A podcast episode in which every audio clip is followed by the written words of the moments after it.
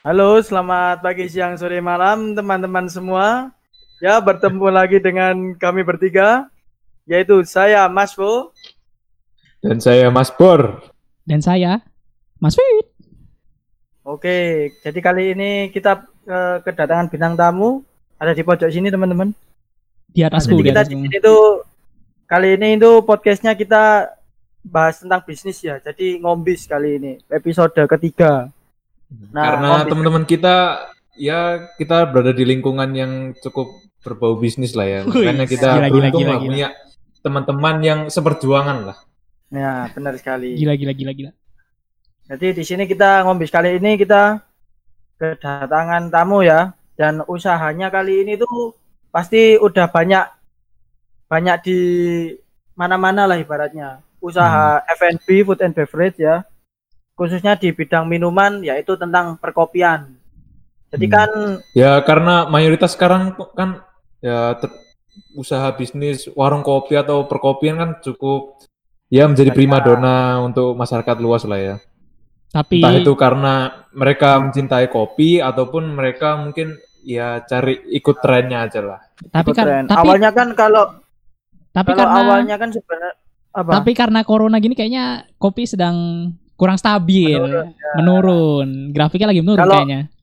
Kalau awalnya kan sebenarnya kopi itu kalau sebelum apa sampai kopi gula aren, tren kopi gula aren kan sebelumnya banyak usaha-usaha warkop gitu karena terus datanglah kayak usaha yang semi-semi premium yaitu usaha kopi ya kayak kopi-kopi kopi kenangan, kopi janji jiwa, sampai kopi-kopi lokalan kayak gitu. Hmm. Dan Kopi yang susu paling lah ya. kopi susu lah ibaratnya benar. Nah, jadi bisa saja diperkenalkan, diperkenalkan teman saya. Monggo silakan Mas, diperkenalkan Mas. Ya, oke. Selamat pagi, siang, sore, malam. Ini panggilan untuk pendengar setianya apa ya ini ya? Sobat galer. Sobat Galer. Oh, Mantap. ya, selamat pagi, siang, sore, malam, sobat galer ya sekalian. Perkenalkan nama saya Noah Jonathan dari disebutkan nggak ini kampusnya ini ya? Gak usah kampus gak usah lah ya. Eh, Kampus nggak gak usah usah lah lah ya. satu kampus di kota Surabaya Hmm, lah ya. Ya, kampus di kota Surabaya, salah satu kampus di kota Surabaya. Ketemu mereka bertiga juga di lingkungan kampus sih. Iya lah. Dan di sini kita akan ngombis apa nih? Ngombis, ngobrolin bisnis. Nah, bisnisnya Mas Noah nih apa tadi nih? ya. Bisnisnya Mas Noah nih apa nih? Untuk bisnis saya dulu itu eh kokopian. Bisa Hmm. dicek aja nanti di kokopian.id. Wih, Iya. Langsung promosi awal-awal. Wih, .id ya, .id ya. iya, Iya, .id. Website berbayar berarti ya. Instagram, kokopian.id. Instagram. Jadi jadi Mas Di Noah website. ini usahanya adalah sama seperti yang udah saya aku jelaskan yaitu tentang perkopian. Nama Iya, bisnis betul. kopinya adalah Kokopian. Ayo silakan Mas. Tapi sebelum eh, lebih jauh kita disclaimer dulu bahwa dia ini sudah bukan pelaku usahanya lagi. Ya, sudah bukan pelaku usahanya lagi. Eh, Itu kok kok bisa tuh kok bisa terbentuk dari beda-beda Hanya jurusan. Tuh. Soalnya kan kalau di kita nih, kita kita ya kalau bikin bisnis ya sama Hmm, ya sejurusan sendiri lah ya. ya, sebaya satu lah. jurusan, ah, satu jurusan bi- yang biasanya satu kelas gitu kan. Hmm. Nah, kita itu dulu satu kelas bertiga. Awalnya tuh bertiga satu kelas di S1. Kita ketemunya di S1. Oh, gitu. Ya, kita ketemu di S1. Nah, waktu dulu di S1 itu ada sedikit konflik internal di kelas yang mengharuskan hanya kita bertiga ini yang yang apa ya, yang disebut sama dosennya tuh lebih aktif daripada yang lain gitu loh. Jadi yang lain cuman di kelas oh ya mm, mm, mm, gitu doang. Tinggal ngikut aja ya. Oh. Ya, yang mereka yang lain tinggal ngikut aja dan juga nggak semuanya sih, tapi ada beberapa oknum yang seperti itu di kelas. Anda termasuk salah satunya? Oh ya jelas tidak dong. Oh, Jelas tidak dong. sayang sekali tidak ternyata. Kalau Mas Pur kayaknya iya nih. Ya penonton ke- iya. Mas Bur, Mas Bur kayaknya gitu. Termasuk saya, saya ngaku kok. Iya, saya juga. Sudah Saya ngaku ya, ngaku sendiri ya. saya juga cuman ikut mungkin ikut kok di doang. depan kelas mungkin terlihat pasif, tapi kok di salah satu mungkin ya wanita mungkin beda lah, beda cerita lah ya. Waduh, Waduh, waduh, wanita, waduh. bos. Sama itu ya. Kok jauh Namanya sekali? juga usaha. Sudah menuju wanita. Ya, jadi awalnya itu kita di S1, terus kita bertiga kan maksimal lima ya kalau nggak salah tuh dulu waktu bikin Ya. bisnis itu. Awalnya awalnya lima. Maksimal. Sebenarnya awalnya kita tuh eh, nggak ada niatan untuk bikin bisnis kopi. Jadi sebelum sebelum itu waktu di mata kuliah semester 1 tuh bisnis communication apa Sebenarnya bisnis Biskom, Biskom. Biskom sama Biskom. Biskom. di Biskom itu saya sudah sudah bentuk sudah bentuk bisnis sih, tapi eh, cuman ber satu dua tiga berempat berempat. Hmm. Tapi akhirnya itu semua ya udah terus aku sama temanku yang S1 ini juga kebetulan mereka juga belum dapat belum dapat teman untuk jadi bisnis. Akhirnya ya udahlah aku gabung ke mereka. Jadi awalnya bertiga, terus ada teman satu kosku ini yang belum dapat juga. Ya udah akhirnya aku aja ikut masuk. Terus temennya dia itu juga satu jurusan ternyata juga belum dapat. Jadinya akhirnya ya udahlah kita berlima lah ketemu Bret, di tempat di tempat warung kopi biasa gitu, kopi pinggiran gitu. Hmm. Kita ngobrol nih, gimana kalau kita mau bikin bisnis kopi gini gini gini gini gini karena memang kita semua sih pengennya pada menjurus ke kopi semua setelah dibahas ada yang pengen bisnis apa ya dulu tuh ada yang pengen bisnis minuman Thai tea ada yang apa apa apa tapi kita eh mufakatnya di bisnis kopi gitu Jadi buat teman-teman itu kalau misal kalian suka aktivitas itu jadikan uang gitu sama kayak Mas Noah bagus itu. Gila. Iya, ya, Misal- ya, apa ya itulah. kalau kalau bisa dari passion atau hobi kalian itu dijadikan Boleh. uang Itu Aktivitasnya Mas Ya, Fu ini jangan. ya jangan Kalau- Mas Wo jangan jangan ditiru ya Mas Wo ya Dia kan misal Mas Fit. Mas Fit kan suka sepatu. eh, Mas Fit suka sepatu, akhirnya dia jualan sepatu. Tapi nggak jalan jualan Nah, sepatu. itu- kan Waduh. itu gimana Dora? Jalanin bisnis karena beda jurusan menurutku bisa dibilang juga beda latar kita. ya sih latar belakangnya. agak beda. Itu gimana tuh rasanya, Mas Noah?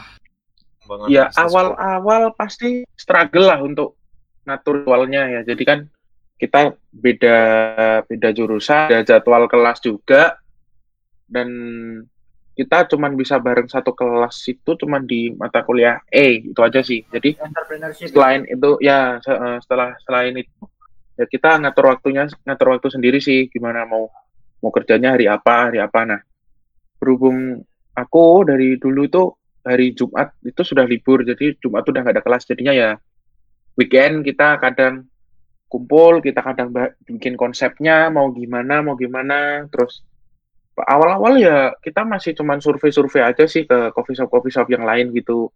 Mulai dari yang deket-deket dulu di di mana itu Grafam itu kan Hmm. ada yang di mananya itu deketnya dulu sebelum Iki. ada tanah merah ha. sebelum ada tanah Iki. merah kan di di itu loh mana Oh, di aduh aku lupa namanya sih Monopol. Eh, yang Monopol. bukan bukan bukan monopol yang deketnya Carl Junior itu loh deketnya Rens itu kan ada kayak tempat kosong gitu kan Oh ya itulah Bisa pokoknya itulah itulah. ya ya di daerah situ nah intinya daerah situ itu ada ada ada eh, coffee truck. Dia itu ya bukan disebut coffee truck mungkin pakai mobil pakai mobil VW itu loh mas. Oh, tahu kan mobil V- mobil VW Ya, nah dia pakai mobil VW itu Oh, asik sih konsepnya. Cuman ya kalau kita kan ke- terkendala dari modalnya juga sih. Jadinya nggak jadi kita pakai konsep itu nggak jadi. Ya udah kita survei survei lagi survei lagi. Akhirnya udah udah kebentuk lah satu konsep seperti ini oh konsepnya nanti maunya gini gini gini gini nah itu begitu Itu- terus dari segi apanya tuh? Kan soalnya kita ya mayoritas eh, lihat bisnis kopi ya mungkin menurut kita begitu-begitu. Kok kopiannya kayak gimana nih konsepnya? Kalau kokopian ini konsepnya sebenarnya kita itu uh, memberikan edukasi ke pelanggan. Jadi customer itu bisa bikin kopinya dia sendiri sih. Jadi kita ajarin dari step awalnya begini, begini, begini. Jadi mungkin kalau mereka mau tanya-tanya ke kita juga juga bisa kita jawab oh ya kita welcome jadi misalnya mereka mau bikin menunya oh nggak apa-apa kita ajari nanti caranya begini nuang airnya begini suhu airnya segini gitu sih Oh, berarti targetnya lebih ke untuk eh, apa ya? Orang yang belum familiar dengan minum kopi berarti. ya orang yang belum familiar dan orang yang tertarik untuk belajar di dunia kopi lah istilahnya begitu Mantap juga idenya. Untung Anda sudah punya pasangan ya, Pak. Coba kalau belum punya. Jadi ini ada ada cerita unik sih, ada tips lah sedikit tips. Kalau Hmm. kalau kalian mau bikin usaha kopi, usahakan jangan langsung beli alat-alatnya. Kalian paling enggak itu apa? Belajar dulu lah, magang dulu di mana gitu. Satu bulan atau ya enam bulan lah paling enggak. Nanti kalian kan bisa tahu cara-caranya. Jadi nanti kalian begitu baru buka sendiri sudah tahu oh yang bagus tuh airnya segini pakai air ini ini ini ini gitunya cara pakai alatnya juga bisa lebih belajar dulu daripada kalian udah dapat alatnya beli baru belajar kan mending uangnya ditabung untuk untuk Ya. buka usahanya nanti lah gitu loh. Benar benar. Tapi ini sebenarnya berarti kalau kalau apa benar. Kalau kalau apa namanya belajar itu juga sebenarnya bisa dari YouTube kan sebenarnya? Bisa bisa dari YouTube. Tapi kan kalau kalian nggak punya alatnya susah Oh, juga iya. nanti. Nggak ada nggak ada nggak prakteknya ada langsung contohnya kan. jadi cuman cuman lihat doang oh segini segini segini segini takaran airnya segini kopinya berapa gram ininya berapa gram. Nah kalau kalian belajar di coffee salah satu coffee shop kan at least mereka sudah punya alat dan kita tanya langsung kan lebih enak toh daripada cari dulu di YouTube nanti Iya benar benar. Oh bukan ini yang saya maksud.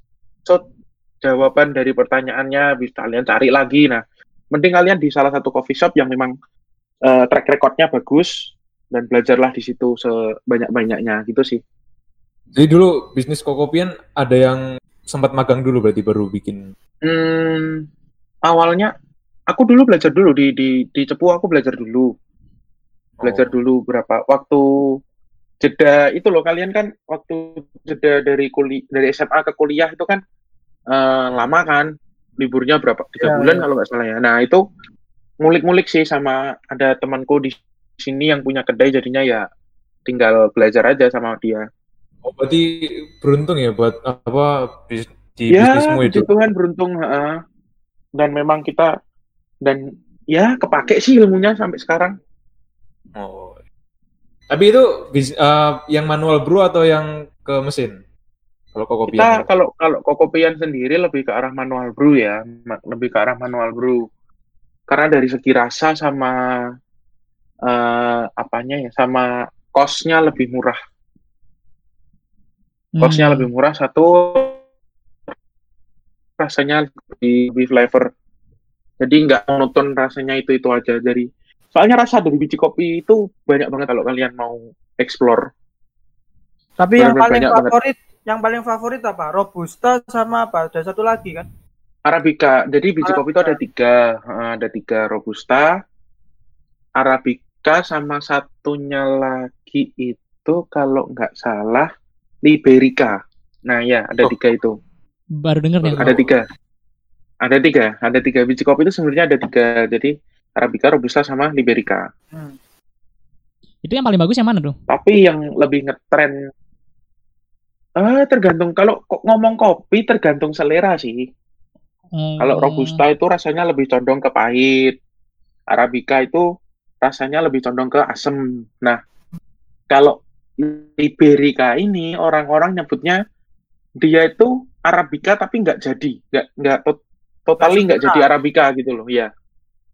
ya tapi sempurna. kalau tapi kalau mau tanya kalau misal eh, anak anak muda maksudnya lidahnya anak muda sama orang tua kan beda kalau untuk segmen Beda. anak muda itu biasanya lebih lebih ke tertuju kopi yang mana biasanya misal dibikin kayak kopi susu aren atau apa gitu Eh, mending house blend sih kalau itu. Hmm. nggak ke biji kopinya biji kopinya Eh, kalau biji, ya biji kopinya itu biji kopi house blend. Jadi house Oh. blend ini percampuran antara Arabica sama Robusta. Jadi nanti Arabicanya berapa persen, Robustanya berapa persen. Nah, dari Arabica dan Robusta ini juga harus dipilih dulu biji kopi di Indonesia kan banyak, ada yang dari Toraja, ada yang dari Aceh, ada yang dari Mandailing, ada yang dari Ya. Lampung, Temanggung, terus di Sulawesi Toraja, terus dari Papua juga ada. Nah, itu mereka itu punya berbagai ciri khas rasa sih. Jadinya kita pengen menimbulkan aroma rasa yang di kopi ini sama ini gitu. Oh, di mix gitu ya berarti ya? Ya di mix dan itu bisa jadi ciri khas suatu kafe juga sih. Oh. Nilai plus apakah juga lah. disebut apa tadi Liberica? Liberica dan Convert. Itu kita pernah satu kopi dengan kopi yang lain itu apa misalkan robusta dengan itu apakah yang itu disebut dengan Liberica itu? Bukan, bukan. Jadi Liberica itu jenis kopi sendiri. Nah, kalau yang percampuran antara Robusta Arabica ini jadinya ke house blend. Jadi ada nama sendiri Mas Bor kayak gitu. Iya. Mungkin Ya ya? Mas Bohor, jadi ada house blend. House blend itu percampuran Arabica Robusta, istilahnya gitulah. Hmm. Nah kalau yang Liberica kayak gimana? Nah, kalau Liberica Soalnya- itu juga jenis kopi sendiri. Rasanya juga seperti itu sih, seperti Arabica, tapi kadar asamnya lebih lebih di bawahnya Arabica dikit gitu. Oh, Dia tuh juga jenis biji kopi sendiri. Jadi misalnya biji kopinya ini Robusta, Robusta Jawa. Terus ada Robusta Lampung. Nah, kayak gitu contohnya. Hmm, nah tapi ini kan ngomongin soal kopian. Ini sebenarnya iya, iya. bisa dibilang dulu kita pernah satu satu event ya berarti ya? Iya, Di- Nang kunjungan. melakukan tunjungan iya bener. heeh. Waktu itu saya lagi pakai bisnis roti bakar ketemu, tapi sebenarnya belum kenal ya waktu itu ya. Sama Mas Belum, Noai. belum Mas Bor, belum, belum, belum. Ya, Biar say hello dulu lah. Berarti berarti eh berarti awal Nah, aku aku nanti itu bisa cukup unik lah ya pengalaman buka bisnis di situ. Iya, unik, unik, mm, unik banget. Pertama kita langsung jualan di tempat yang rame banget dan pelanggannya juga aneh-aneh. Waktu itu aku digodain sama tante-tante. masa gimana godainnya? Waduh, waduh. Jadi gini, naik godainnya kok kayak "Eh, ini udah lama di sini. Oh, ya ini baru hari ini tante ada acara kampus ya. Oh gitu. Tapi masnya pinter loh, masnya bisa buat roti bakar. Oh, aku jadi tante-tante.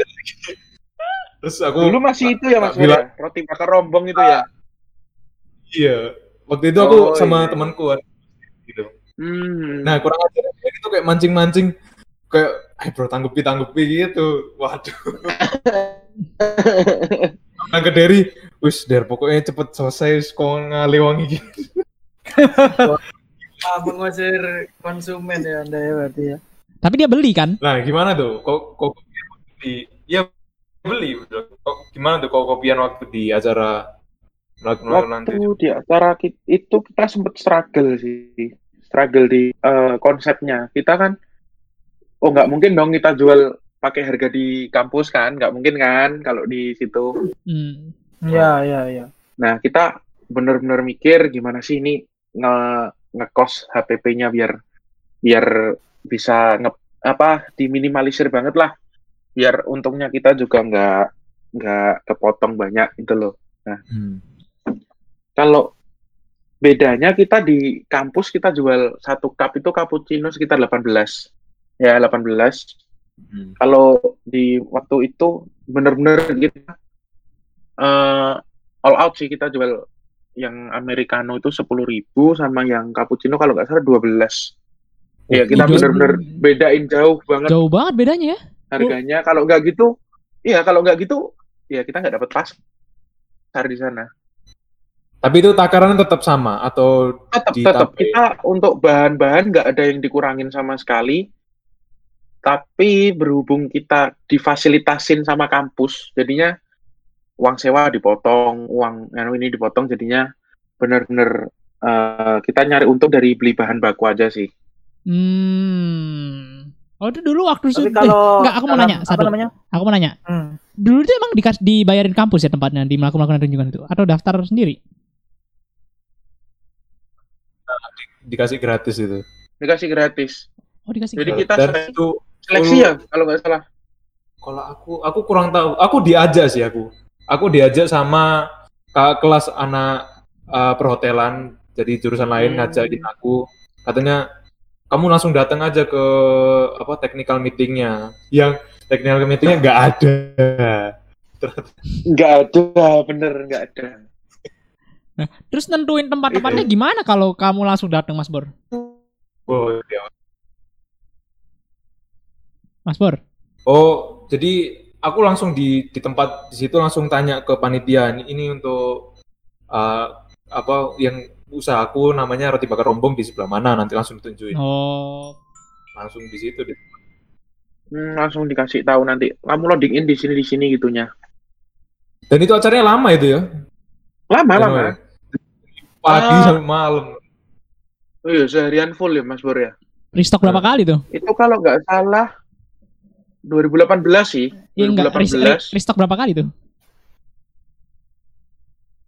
Aku nggak restock sih ya kayaknya. Nggak nggak. Tapi Aku udah tapi beli- habis gak? Jualan habis gak? Wah habis sih sold out sih pecah pecah pecah itu banget pecah banget. sama itu juga Kalau kalau dari Kokopian sih pecah banget acara itu. Jadi oh ya ada ada uniknya lagi waktu itu kita kan berlima. Aku sama temanku ini nah. Yang temanku jurusan kuliner ini pada nggak bisa semua. Gara-gara dia juga ada acara dari jurusannya. Hmm. Jadi yang biasanya kita jaga berlima, ini bener-bener kita jaga cuma berdua. Aku sama temanku yang jurusan AMT. sama yang anak komputer itu doang Iya, anak AMT ya. Aku cuma jaga berdua seharian. Ya kadang-kadang temanku yang dari kuliner itu nyolong-nyolong waktu keluar datang ke sana. Misal beliin sedotan lah, beliin apa gitu. Colong-colong waktu sih mereka. Kayak ada waktu break, dia keluar dari TW langsung ke Tunjungan, Oh, beliin lumayan. ini, beliin ini gitu sih. nah itu kan satu harian tuh itu Hmm. Kokopian eh, bisa jual berapa porsi itu berapa di berapa gelas lah 300 cup lebih. Oke. Ya, 300 lebih. Gokil. 300 lebih. Omsetnya, omsetnya dalam satu hari sekitar berapa? Satu hari full? Omsetnya satu hari full sekitar Dua, tiga? Tiga lah, tiga tiga setengah, tiga setengah. Lumayan ya berarti ya. lumayan lumayan. Ya sekitaran itu. itu juga aku nggak sangka sih aku juga jualan roti bakar dan nggak sampai acaranya selesai udah habis bro. gila sih itu mau nyetok lagi kayaknya kurang nih Aku keteteran itu mulai malam Mas Bur. Malam itu bener-bener yang datang seabrek sih. Langsung tiba-tiba nggak ada angin, nggak ada hujan setelah setelah Isya kayaknya. Setelah Isya itu uh langsung rame banget sampai jam 10 ya itu acaranya ya Mas Bur ya. iya sampai jam 10 Ya, Nah, cuman jam 10. karena- Jadi, habisnya sampai maghrib doang itu udah habis aku bawa sekitar 60 porsi lah yang aku pikir 60 kayaknya nggak mungkin nih 60 nggak porsi ya. rame ini. Tapi ternyata Ternyata Parah-parah. banget. Tapi kalau untuk apa bisnis kayak F&B itu kan sebenarnya juga rumahnya kan. Kalau misal untuk ngitung HP, kalau misal Ada, ada. minuman minuman itu harus untung berapa persen, makanan Hmm, ada ada. bisa dijelasin nggak Mas Noah kalau minuman biar teman-teman Jangan sebisa mungkin persen harus harus 100%. kalau minuman 100 persen ya berarti Eh, tapi kita harus 100%. kalau Soalnya makanan kalau nggak gitu, Heeh, kalau nggak 100%, ya ngapain dijual gitu loh. iya Percuma juga sih. Harga bahan bakunya juga nggak ada yang murah soalnya. Iya, karena kalau makan Mas Pur kalau makan Mas Pur berapa persen Mas Pur Kalau makanan sebenarnya terserah sih. Waktu itu ya bisa dibilang aku ngambil untung tipis ya. Karena ya aku juga masih nyesuaiin sama pasarnya yang cocok apa enggak. Tapi ya gitulah ter- terserah kalian sih. Kalau minuman kayaknya lebih enak ya karena bahan baku Itu banyak, juga ya lebih enak. dalam Hmm, lebih tahan lama. dan Itu lebih waktu lebih di, di di Tunjungan itu kok kehabisan es batu sih sebenarnya.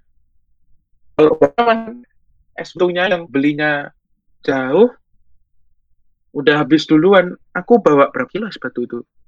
20 kilo ada kalau nggak salah. Wah, Iya. Ngangkut Lumayan. 20 cuy. kilo. Pakai mobil, pasti pakai mobil ditaruh es box, pakai mobil diangkut. Kehabisan di siangnya itu loh Mas Bur. Siang kan panas banget itu. Oh mencair tak berarti. Hmm, mencair rata-rata mencair semua. Hai, rugi dong. Terus gimana tuh akhirnya? Ya, dibilang rugi juga nggak rugi es batu loh. Satu lima kilo itu enam ribu. Es batu es kristal itu Oh iya. Heeh. murah banget itu. Lima ribu tuh apa? Lima kilo dapat enam ribu ya, sekitar itu. Oh, berarti setelah itu nggak Iya, tapi bisa dibilang agak rugi juga kan? Maksudnya Iya, kalau rugi-rugi di kan penjualannya, heeh, rugi di penjualannya. Tapi kalau masih dalam bahan baku, kalau kayak susu, tapi kalau segelnya belum dibuka kan masih bisa buat bisa. next event bazar berikutnya. Ada plus minusnya sih, Mas Bor. Jadi bisa ngurangin belanja di event berikutnya sih. Oke, aku ada pertanyaan satu nih. Menurut Ayo, ayo, ayo, ayo. Mas Noah gimana nih? Tren kopi pas masa corona gini kan kalau bisa dilihat ya turun, turun lah Hmm. ibaratnya karena kan udah Ya, nggak pasti, bisa. pasti. Menurut Kak- menurut Mas Noah apakah kopi ini akan bertahan masih lama atau abis corona ini udah nggak ada kopi-kopi lagi? Kalau saya lihat sekarang, saya lihat dari Instagram aja ya kan, nggak terlalu Hmm. Nggak bisa ke Surabayanya langsung atau Hmm. di sini kan juga nggak terlalu rame sih kalau masalah kayak gituan. Nah, tren ini tren kopi kekinian kayak kayak yang disebutin tadi itu ya, Ya. Kopi susu ya. Ah, kopi suka kayak gitu. Nah, tren kopi itu ada karena dulu eh, kopi kopi susu aren, iya, Ya, Ya, kopi awalnya gula kopi aren aren itu, ya. Nah, karena itu langsung pada bikin semua janji jiwa, kopi kenangan, lain hati dan lain-lain sebagainya. Nah, kalau kopi-kopi seperti itu rasanya nggak bakal nggak bakal hilang sih karena sekarang kopi itu udah jadi lifestyle, ya benar. Nah, udah jadi lifestyle dan setelah corona bisa ada kemungkinan bisnis kopi ini bakal rame lagi karena pertama orang-orang rindu nongkrong jelas pasti ya kan kalian pasti rindu nongkrong kan sama teman-teman Parah.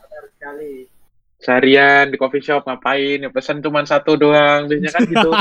Nongkrongnya berjam-jam. Yang penting wifi-nya, Bos. berjam-jam. ya yang penting wifi-nya bener. Ya rata-rata mahasiswa kan seperti itulah. Apalagi kalau teman-teman yang skripsi itu kan pasti juga butuh. Aku rasa tetap ada sih bisnis kopi ini. Mungkin masih bertahan lama iya lah. sih. masih ya lima tahun lagi masih bisa. Mungkin kalau menurutku gini sih, kalau ada tetap ada, cuma mungkin apa kayak fanatiknya itu nggak serame kayak dulu. ya eh, mungkin serami serami dulu. Karena ya gimana ya mas mas Toya? Jadi sudah dinaikin waktu kena corona jebret nggak boleh nongkrong langsung ibaratnya gimana ya langsung di take down gitu. Adel, udah. Nggak boleh nongkrong langsung bingung semua yang punya bisnis kopi kedai gitu Banyak kayak iya ba- banyak yang tutup kayaknya ya kalau bisnis-bisnis kopi yang banyak yang ibarat tutup banyak yang iya, tutup yang awal-awal gitu tutup. Kalau yang nama besar mungkin kayak Janji Jiwa, Kopi Kenangan itu kayaknya enggak sih ya masih, masih ada. eksis pasti Tapi kalau Nah, yang- masih ada mereka udah menang nama duluan soalnya Kalau yang startup startup punya anak-anak mahasiswa sepertinya sulitan untuk bertahan sih kalau masa corona kayak gini menurutku. Iya, heeh.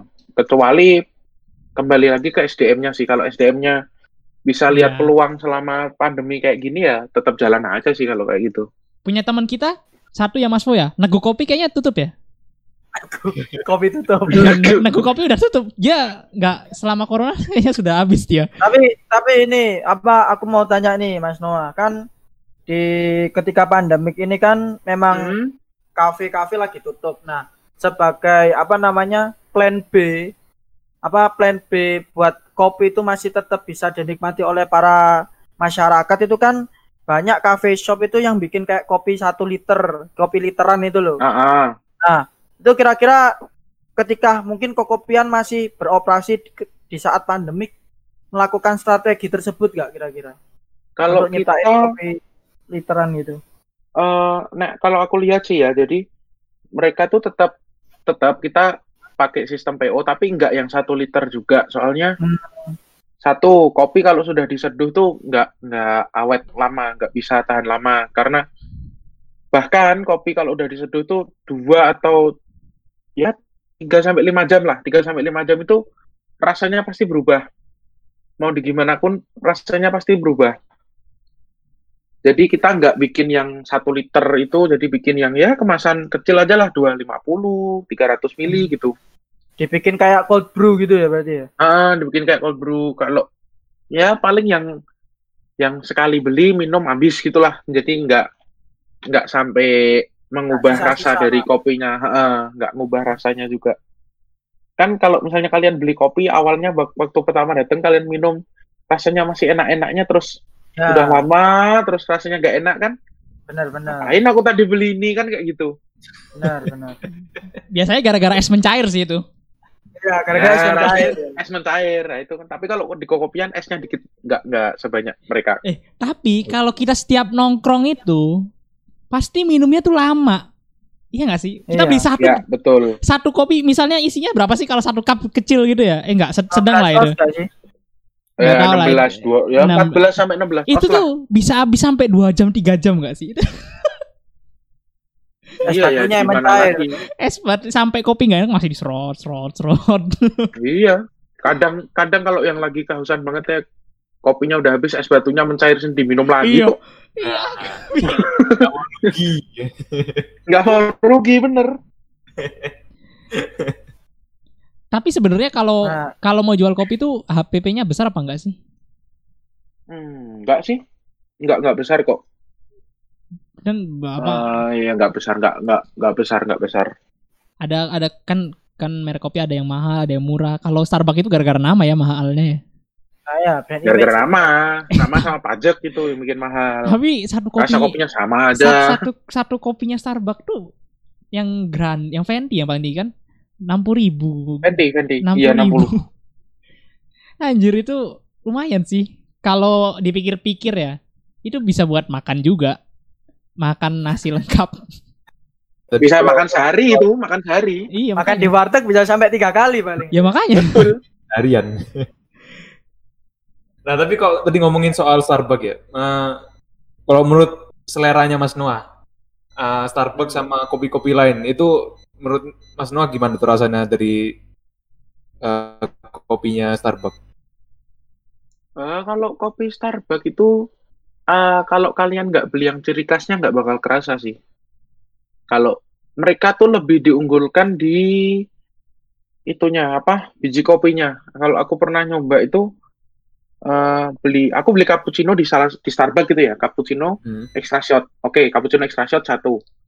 Sama cappuccino extra shot juga di kedai lain yang Hmm. sepantaran. Aku bilang excelso gitu aja lah. Hmm. Gak apa-apa kan ini sebutnya merek gak ada Nggak di apa nggak apa-apa. Nggak Aku bandingin dua itu. Aku bandingin dua itu. Jadi dari dari Starbucks sama, dari Excelso sama. Tapi aku lebih cenderung ke Starbucks karena rasa biji kopinya lebih kuat, lebih apa lebih keluar lah kalau orang-orang lebih lebih menonjol daripada rasa kopi yang dari Excelso. Oh, berarti memang dengan harga yang mahal kualitasnya juga berbeda berarti ya? Hmm, kualitasnya beda. Meskipun di Excelso juga harganya ya sama-sama lah. Sama. Dia masih malam Starbucks, Pak. Iya nggak sih? Iya, Mas Starbucks. Kalau Excelso dia menang karena ada makanan main course-nya ibaratnya. Betul. Ya. Ada main ada main course-nya. Kalau Kalau di Excelso lebih enak ke makanannya. sih. iya makanannya kalau ngomong. oh, enak, makanannya Excelso enak. Lebih enak ke makanannya sih. Minumannya biasa aja. Mas Noah, Mas Noah, aku mau tanya Mas Noah. Iya, iya, gimana gimana gimana. Ini yang agak unik nih, yang pernah tak lihat dari perkembangan Kokopian. Jadi waktu itu di Instagramnya Kokopian itu pernah ada varian baru namanya kopi campur amer orang tua. Wah. Nah, Wah. itu kenapa itu ceritanya kok bisa tercipta itu? Waduh. Ah, Cukup kontroversial ya. Dari antara podcast Iya. yang lain, Kontroversial ya. like-nya itu. kalau kopi Amer itu kita gini, kita awalnya dulu itu mikirnya gini. Kopi ini dicampur sama buah apa sih yang bisa nge-mix, bisa enak gitu. Hmm, Terus aku mikir pisang pasti. ah, ya, benar benar.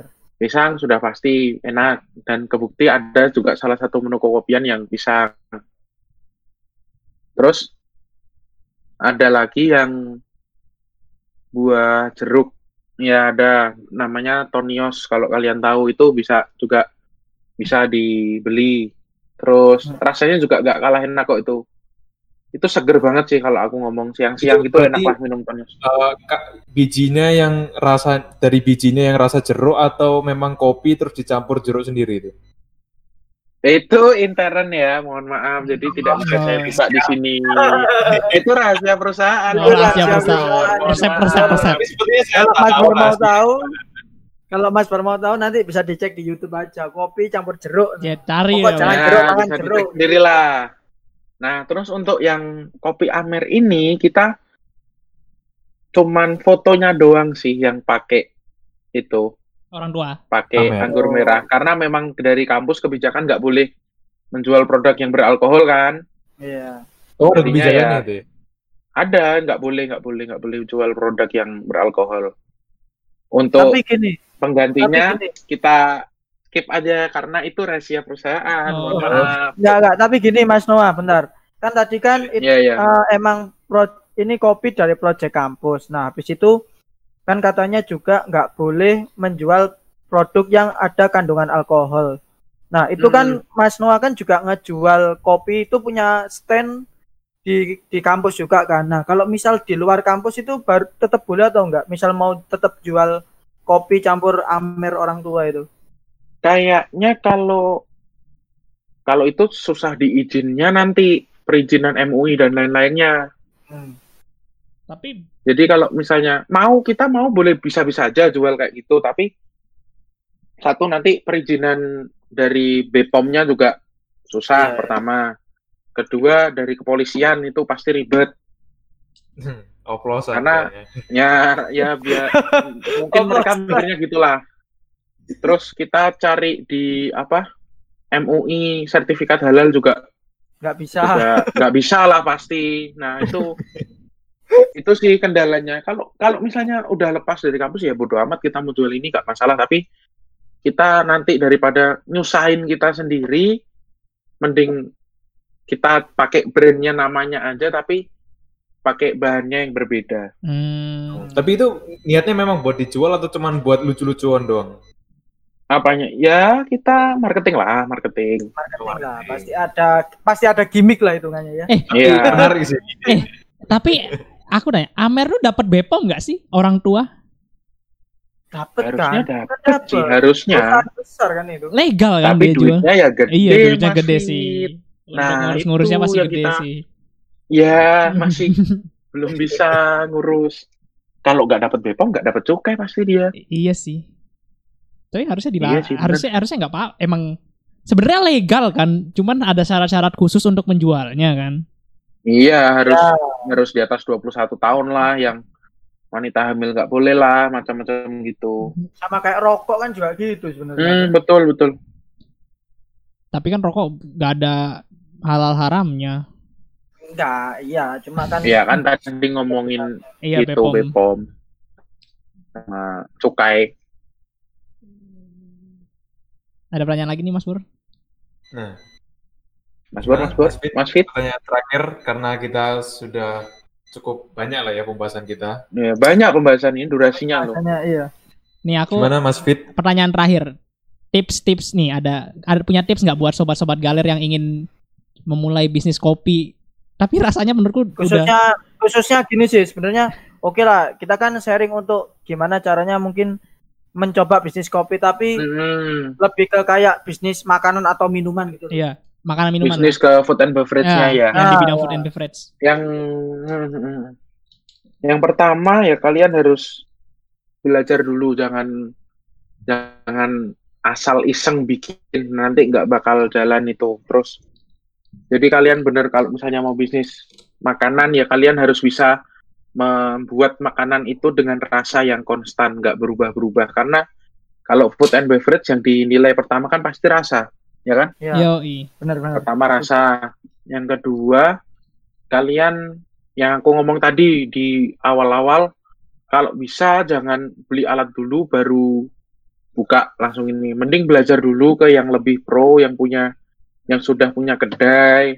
Jadi kalian bisa pakai alat di sana terus nanti baru kalau kalian sudah bisa pakai alat di sana ngembangin sendiri beli alat pakai alat alat manual brewing kopi kan juga banyak toh jadinya ya kita improve skill sendirilah kalau sudah bisa kayak gitu baru kita lihat YouTube. Jadi at least basicnya tentang kopi ini sudah tahu dulu jadi nggak tanya-tanya ini kalau pakai misalnya mau bikin kopi espresso pakai pakai V60 sama pakai Aeropress. Nah itu itu kan beda jadi ada prosesnya beda dan takar ke takaran kelembutan biji kopinya juga beda jadinya.